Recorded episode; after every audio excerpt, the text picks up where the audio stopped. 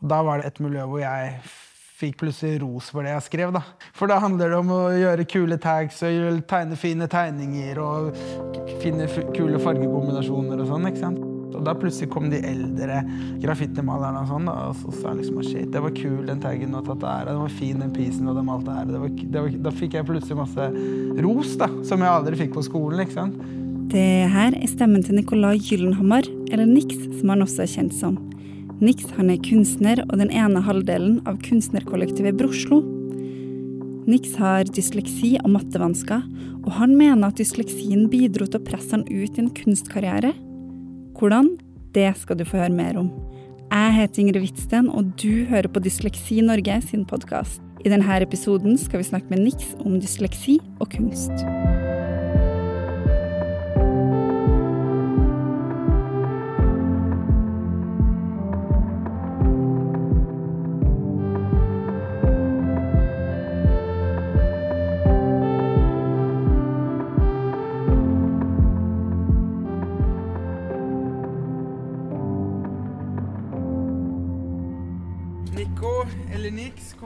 Stedet er enormt, med lange ganger, store rom og veldig høyt under taket. Ja, ja, ja. Og på døra, der står det Welcome to Nick's World. Yes. Er det her din egen Ja, det her er mitt eget studio. Så til sammen, eh, jeg og Jonny, vi jobbet sammen med Broslo i ni år. Og vi har fortsatt Broslo, men nå jobber vi først og fremst hver for oss. Så nå er vi inne i 200 kvadratmeter, som er liksom mitt, uh, mitt studio. da. Så har jeg arbeidsrom på utsiden, og nå er vi inne her er litt mer galleriverden, eller hvor jeg henger opp ting som jeg er ferdig å jobbe med. Altså. Nei, så Her henger noen av de aller siste verkene mine, da, som har vært på en utstilling i Trondheim nettopp. Og nå er det tilbake her. Og det er egentlig bare lage sånne egne verdener eller egne situasjoner hvor jeg bruker Barbie-figurer som er sånn basic ready-made objekt, og bare setter det inn i forskjellige eh, liksom syke situasjoner. Her er det finanskrise Barbie. Så her har Barbie flytta ned på togstasjonen og bor i en pappeske. Den her heter firkantet boks. Så det er også en liten Barbie-setup. Og her er Adam og Eva. En Barbie skiller seg litt ut. Den har langt hår og skjelett på kroppen. Ja, det er selvportrettet mitt. Jeg liker alltid å gå med skjelettklær, da. Eller teite klær som gjør at jeg skiller meg ut. Så derfor har jeg selvportrettet her han fått skjelettatovering over hele seg. da. Men jeg føler liksom det symboliserer liksom dødeligheten. da.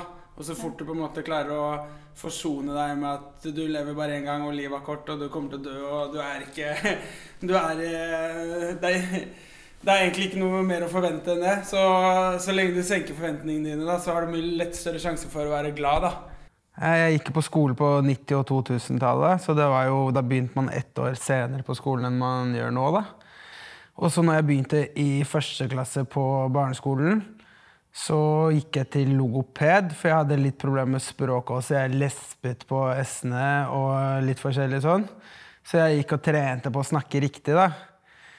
Og jeg, jeg husker også en episode vi var allerede i første klasse. tror jeg. Første klasse så var vi på TV-program. da. Og så valgte hun ut tre som hun ville snakke litt med på egen hånd utenom klassen. Og der var jeg en av de. da. Husker jeg gikk inn i studio der, og det var lys og kameraer overalt. og det tenkte jeg sånn, wow. Så husker jeg satt på, TV, på live TV. da. Så sa de sånn Ja, kunne du lese og regne før du begynte på skolen? da? Så ble jeg satt litt til veggs på det, for jeg hadde jo gått et år på skolen allerede. Jeg hadde jo fortsatt ikke lært å lese og eh, skrive ordentlig. da. Jeg har det opptaket også. Jeg har lyst til å spille det.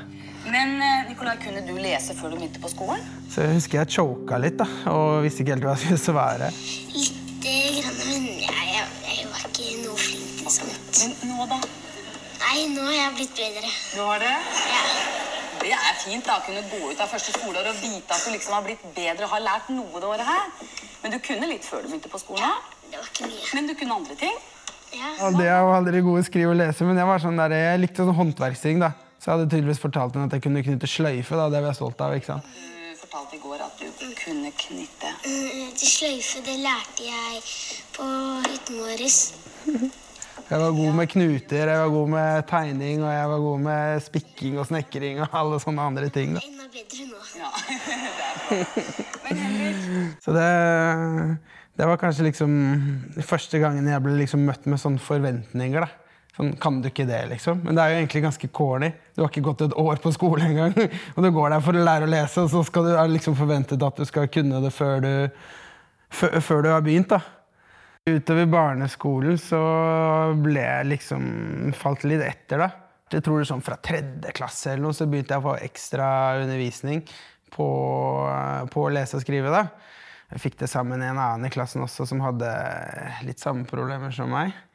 Og jeg husker vi satt, Når de andre hadde vanlige norsktimer, så satt jeg og han inn, med en ekstralærer inne på et eget rom. Og det var en sånn sinnssyk overhead-maskin, som sikkert var fra 50-tallet. En svær metallboks som bråkte masse. Den hadde sånne kort de putta inn. Og da var det på en måte sammensatte ord og lange ord og sånn da, som kom opp på veggen. da, Som den lyste opp på veggen, så skulle vi prøve å lese det. da. Så satt vi annenhver gang og prøvde å lese ordet. Det var sånn teite, lange, vanskelige ord. da. Sånn typ sånn derre bussjåfør, venterom, eller sånn, sånne rare, dumme, sammensatte ord. da, Som selvfølgelig var vanskelig og lett å stokke om og vanskelig å lese. da. Satt jo og leste sånne teite ord. da. Jeg vet ikke, følte aldri om det hjalp så veldig mye, men vi gjorde i hvert fall det. da.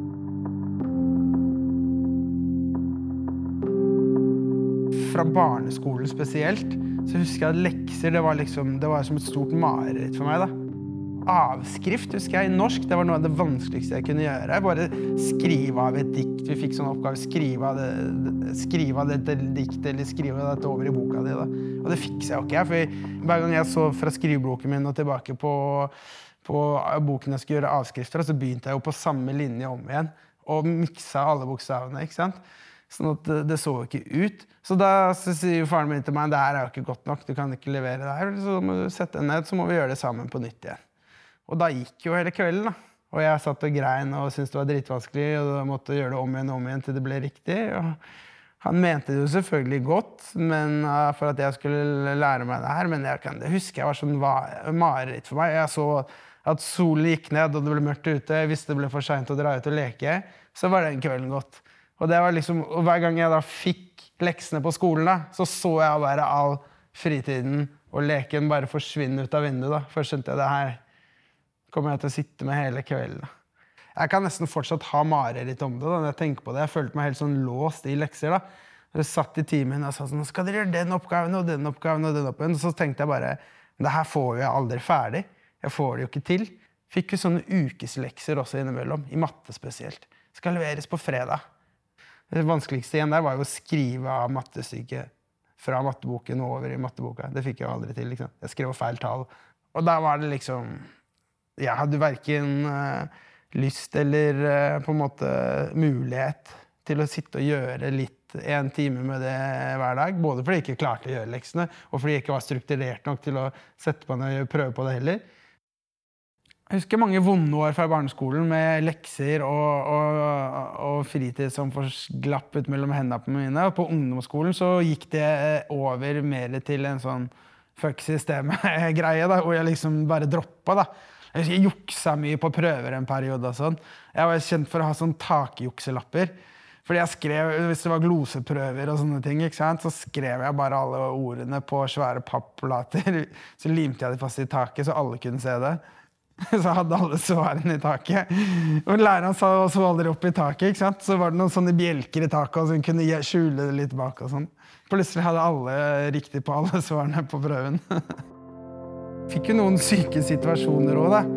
Kanskje som jeg egentlig burde fått beste karakter for. Men jeg husker jeg hadde bokanmeldelse, og så stilte jeg opp på skolen og skulle ha, ha bokreferat og bokanmeldelse av en bok jeg hadde lest. da. Og så fant jeg opp forfatteren, og jeg fant opp tittelen på boken, og jeg fant opp hele boken mens jeg sto foran klassen. da. Og så gjorde jeg bokanmeldelse på den. ja, nei, Det var en forfatter, han het James White, eller jeg bare fant opp et eller annet navn. ikke sant? Og så bare, og så bare kjørte jeg på videre. Og så hadde jeg kanskje litt dårlig, dårlig sammenheng, eller sånn, og da var det sånn sånn Ja, og, og analysen min er egentlig at jeg syns boken var litt usammenhengende og litt vanskelig, men hadde sine høydepunkter, liksom. Takk for meg. Og så var det ingen som spurte spørsmål der nede. Læreren var, sa OK, liksom, og bestått. Så det, ble, det, det var et lite show i seg selv.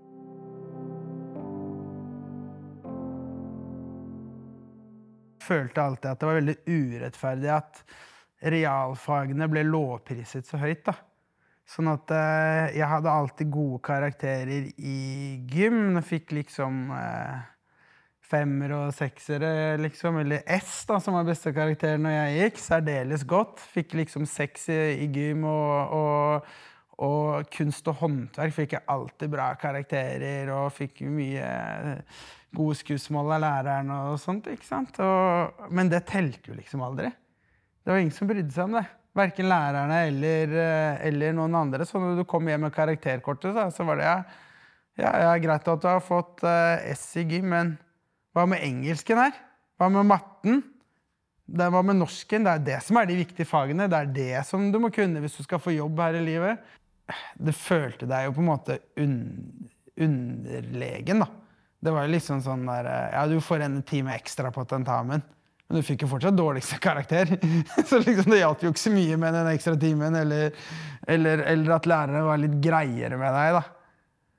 Sånn der, det var jo ikke noe god mestringsfølelse ut av det, liksom. Og jeg tror også det også, i løpet av ungdomsskolen så falt jeg ganske hardt utenfor skolen. Jeg falt liksom sammen med andre som sleit på skolen av forskjellige grunner. Da. Kids fra innvandrerfamilier, kanskje andregenerasjonsinnvandrere som hadde problemer med å lære språk og skrive godt, og sånn, eller, eller kids som hadde ADHD, konsentrasjonsproblemer. Dårlige um, forutsetninger for å gjøre det bra på skolen. Da. Så det ble liksom vennene mine, da, alle de outcasta, da, for jeg følte meg mer som de. ikke sant? Og det var jo egentlig kult, det, da. Men da igjen da kommer skolen, og så sier de liksom ja, dere er en dårlig gjeng, eller dere, kan, dere har dårlig innvirkning på hverandre, dere kan ikke henge sammen. da. Det er liksom svaret du får fra å finne andre likesinnede som også sliter på skolen. da. Så det syns jeg alltid er veldig rart, det også. Nå er det bra at man finner trøst i hverandre, liksom, og kan, kan være en egen gjeng, da.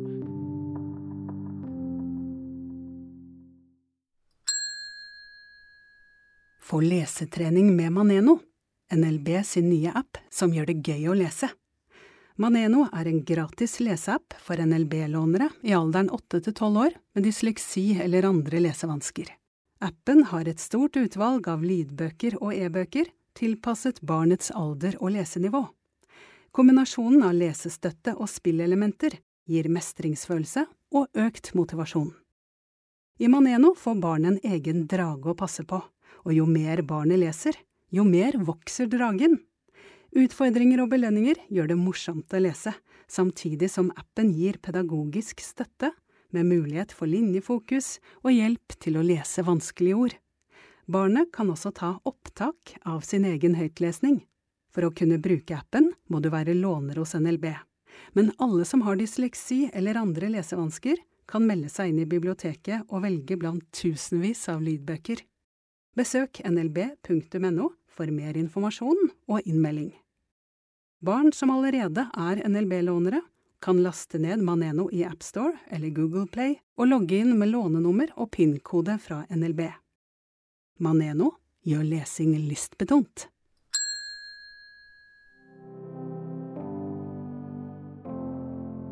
Her er sprayboksrommet mitt, så her er jeg sikkert 500-600 spraybokser i forskjellige farger. Fordi jeg har egentlig vokst opp med å male graffiti, da. Så det er liksom det jeg kommer fra. Så det er, eh, det er bakgrunnen min for å drive med kunst, egentlig, da. Tegne i timen og, og spraye bak skolen. Det er to rader innover, da, så det er liksom Det er bare masse sprayvokser. Jeg tror det, eh, det året jeg var eh, tolv år, så ble jeg kjørt tre ganger til Grønland politistasjon fordi jeg hadde vært og spraya eller tusja eller sånn. da. Og jeg hadde en storebror som drev litt med det, og det var liksom mye det Det var mye av det på slutten av 90-tallet og tidlig 2000-tallet. Da var det plutselig en, et miljø hvor jeg fikk plutselig ros for det jeg skrev, da. I motsetning til stiloppgaven jeg skrev på skolen.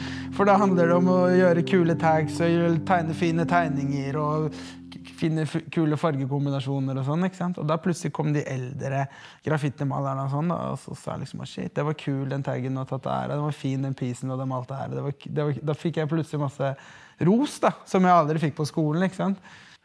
Så da var det plutselig et felt jeg var god, da. Mange av liksom de beste vennene mine da, hadde jeg gjennom det miljøet, og, og det var liksom Graffiti og tagging det er ekte Det er det fortsatt. da. Det er en ekte subkultur. da. Det er veldig få subkulturer igjen i samfunnet. Det er liksom det er liksom et ekte miljø da, med folk som ofte har en rød tråd. At de er en eller annen form for sint på samfunnet. da, Av forskjellige grunner.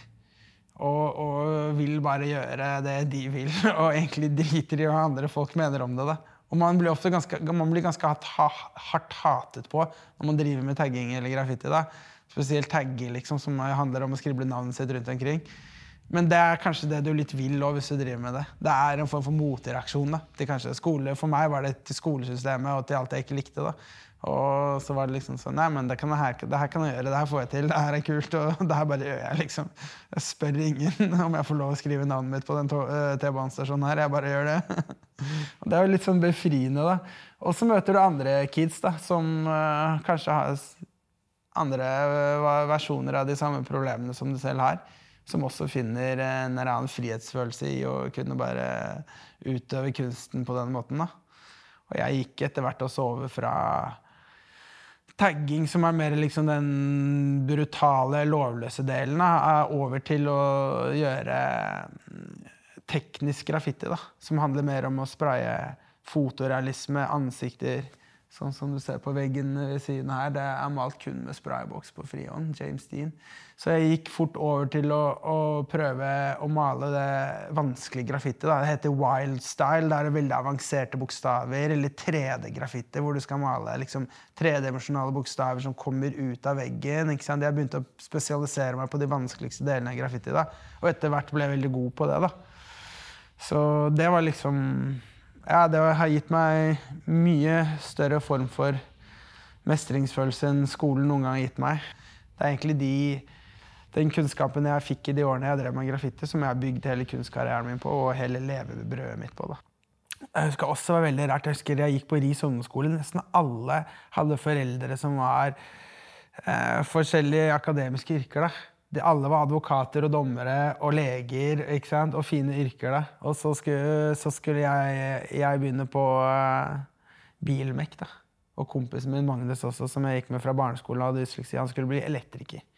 Og det var liksom, det var ingen andre som skulle gå de veiene. da. Alle skulle videre på om det var uh, eh, OHG eller handelsgym eller alle de, de skolene der. da. Og, og liksom uh, studere. Så nei, nei, jeg skulle på bilmek, jeg. Og jeg kom inn på Etterstad videregående. Oslo teknisk maritime het skolen. Og det var liksom, ok, det var en østkantskole. Det var masse kameraer i skolegangene, for det var mange som deala drugs og var litt sånn bad guys på skolen der. Det husker jeg også det var rart. Og så, og så, var det mye, mye, mye østkantkids. Med mange eh, barn med innvandrerbakgrunn i klassen. Eh, men de kom jeg veldig godt overens med. Og så kom vi liksom hele gjengen der inn og skulle ha første mekketime. Da. Og det var en svær mekanisk sal. Det var ti meter under taket. Svære kraner i taket. Løftebukker. Eh, du kunne heise opp biler. Verktøy overalt. Det var liksom som en playground for meg. da. Og vi hadde på oss blå kjeledresser. Sånn eh, når du skulle stille opp på skolen, noe som er digg. ikke sant? Det er jo ganske fritt å gå i. da, og Du, liksom flyr rundt i blå kjeledress og, og, mekker, og vi stakk i kantinen og spiste pizza til lunsj. Og, og, så hadde jeg det superbra på den skolen. Jeg fikk masse gode venner. Eh, og der var det ingen som brydde seg om du var god i matte eller norsk, eller noen ting, men du hadde felles interesse for bil og for mekk og for håndverk og sånn. Og det fikk jeg til igjen. ikke sant? Så var da utdannet bilmekaniker, men på et eller annet tidspunkt så skjønte jeg at jeg hadde lyst til å jobbe mer kreativt. da. Og det er liksom litt ensformig å jobbe med bare ett håndverk. Så da slutta jeg egentlig samme, samme våren som jeg tok eh, fagbrevet som mekaniker da, så var det liksom naturlig å tenke at da kan du gå videreutdanne deg som maskiningeniør. da. Så begynte jeg på det, men det var, kom jo som et sjokk igjen, fordi det var så mye matte på det studiet. Det er bare matte. Og da kom det jo veldig fram igjen det med dyskalkuli, da. Fordi jeg sleit med den matten, og jeg begynte hos en veldig kul privatlærer som eh, moren min fant. Og da gjorde vi mye derivasjon og integraler, som er sykt avanserte ligninger. ikke sant? han så jo på det jeg gjorde, så sa han igjen at det største problemet ditt er at du skriver av stykkefeil fra boken. Eller hvis du ikke gjør det, så skriver du da feil nedover. Så du gjør riktig fremgangsmåte på utregningene dine. Men du glemmer en X, og du glemmer en i andre, og du glemmer en, så du får feil svar uansett. ikke sant? Så da, da sa han til meg at jeg ser jo ja, han, han hadde vært tidligere lærer da, i skolen, og, og, han, og matteprofessor. Han sa at jeg ser jo at du har dyskalkuli, for jeg ser jo at eh, du skjønner eh, framgangsmåten, du skjønner, men du klarer jo ikke å få med deg tallene, og jeg ser jo at du sliter. ikke sant? Det var alltid tungt med matten. da. Og, så da tenkte jeg ja, ja, det er mm, greit nok. Men da tenkte jeg at det studiet heller ikke var riktig for meg da, med så mye matte. Så da droppa jeg ut av maskiningeniørstudiet. Så tenkte jeg sånn, jeg har lyst til å gjøre noe kreativt. På Arkitekthøgskolen så er det sånn at eh, det er veldig vanskelig å komme inn. Det er nesten jeg vet ikke, opptil 4000 søkere for 50 plasser eller hvert år. Men der teller ikke karakterer. Eh, nå teller det litt, men når jeg søkte, så teller, telte det ikke i hele tatt. Eh, det eneste som telte, var opptaksprøver som du gjorde hjemme. Og så ble du tatt videre inn og gjorde opptaksprøver videre på skolen. Så det var jo helt i blinken for meg, som ikke hadde så gode karakterer, men elsket å tegne og jobbe kreativt. Så søkte jeg der. Sendte inn opptaksprøve hjemmefra. Ble tatt inn videre på skolen. Og så kom jeg på opptaksprøve to dager på skolen. Du får veldig abstrakte oppgaver. Kan, det, er helt, det er veldig vanskelig, fordi du kan egentlig gjøre hva som helst for å øh, svare på oppgavene. Du kan typ få en haug med ståltråd foran deg, og så sier de 'lag en skulptur som øh, fokuserer på negativt og positivt rom'. Det betyr egentlig ingenting, på en måte. Eller kan det bety hva som helst? Du kan definere det selv. Da, på en måte. Det, det egentlig, og sånn var alle oppgavene. Seks-syv oppgaver eller et eller annet over to dager. Og, og det de egentlig er ute etter, da, som jeg har skjønt i ettertid, de vil egentlig bare se etter kreative løsninger. Da. Og de ser egentlig ikke etter om du kan tegne eller, eller hva du gjør. De prøver å se etter folk som tenker annerledes og, og ser kreativt på problemløsning. Da. Og jeg også satt der to dager på arkitekthøgskolen, jeg husker alle satt med linjal og blyant og gjorde liksom arkitekttegninger allerede på opptaksprøvene. Mens jeg satt med taggetusjene mine. da. Tjukke tusjer og masse farger og helt andre medier enn det de andre satt med. da. Og bare gjorde det på min måte. Og så leverte jeg det inn, da, og så kom jeg inn på første forsøk. da. Fra, fra det. Så det var veldig kult. da. Og igjen da følte jeg liksom at eh, bakgrunnen fra graffiti og det at jeg satt og tegna i timen hele ungdomsskolen, var egentlig det som gjorde at jeg kom inn på Arkitekthøgskolen. Min kunst og Brosjus kunst har vært en slags motreaksjon til det akademiske kunstmiljøet. da. Så vi har på en måte kommet inn og fucket opp kunstverdenen litt på den måten. Det her er ikke noe du skal forstå nødvendigvis, og det er ikke noe du skal stå og analysere og skrive 18, 18 sider om. Det her kan være enkle kunstverk, men det, det, det jobber på et annet plan. Det skal kunsten min det skal gi deg en, en følelse. da. Det skal gi deg en enkel, sensasjonell følelse, kanskje. En form av glede, en form av undring, en form av nysgjerrighet. En, en eller annen form av motivasjon du skal få av å se på kunsten. da. Det er det jeg ønsker å skape. da. Eh, Dysleksien har sikkert vært med å presse meg ut og ende opp som kunstner. i det hele tatt. Da. Og det er jeg veldig glad for. Veldig takknemlig for. Jeg elsker den jobben jeg har i dag. og Både føler jeg mestrer det, og jeg føler at det gir meg mye. Og jeg føler at det også gir meg en mulighet å bidra og snakke til andre og kanskje hjelpe andre kids som har vært eh, litt i samme situasjon som meg selv. da. Jeg tror eh, Etter at vi hadde TV-serien Broslo på TV 2, jeg tror det året fikk jeg kanskje et sted mellom 1000 og 2000 direktemeldinger på Instagram og e-post. Og, og jeg har jo også masse forskjellig ungdom og folk innom her som eh, som jeg kommer i kontakt med, om det er enten på utstillinger eller sosiale medier, og sånt, som har forskjellige problemer, da, som jeg også kan kjenne meg igjen i fra når jeg var ung. da. Som er kanskje dårlig på skolen eller eh, faller utafor av forskjellige grunner. da. Så jeg prøver å hjelpe òg. Har de på studio, hjelper de å lage kunst, eh, lar de være med på prosjekter. Prøver, eh, ja, prøver å sette kanskje de i gang med en kunstkarriere. da, Så jeg har spånet jeg vet ikke hvor mange, men i hvert fall mange hundre kunstkarrierer til andre unge norske kunstnere da, som jeg har vært med å spåne. Så det føles liksom Det føles givende, da. Man kan hjelpe andre i, videre på å føle mestringsfølelse og, og føle frihet til det de jobber med. ja, den liksom Fra barneskolen og den liksom smerten og den liksom eh, Det tapet jeg følte, følte ved liksom ikke passe inn i skolesystemet eller ikke få til ting eller eh, ikke passe helt inn i samfunnet og de tingene der. Jeg føler at eh, det var vondt, da. Og jeg føler at hvis jeg kan være med å bidra andre som føler det samme, til å se håp, da.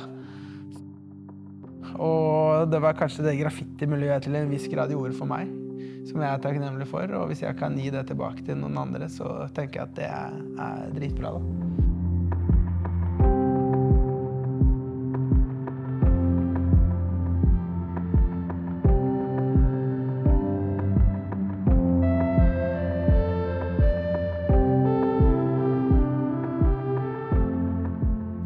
Har hørt en episode av Dysleksi Norge sin podkast. Programleder det var meg, Ingrid Hvitsten, og den musikken du har hørt, den er laga av Andreas Reite. Det klippet du hørte i begynnelsen, det er fra NRK. Denne episoden var den siste for i år, men hvis du har lyst til å høre mer, så kan du finne tidligere episoder der du hører podkast.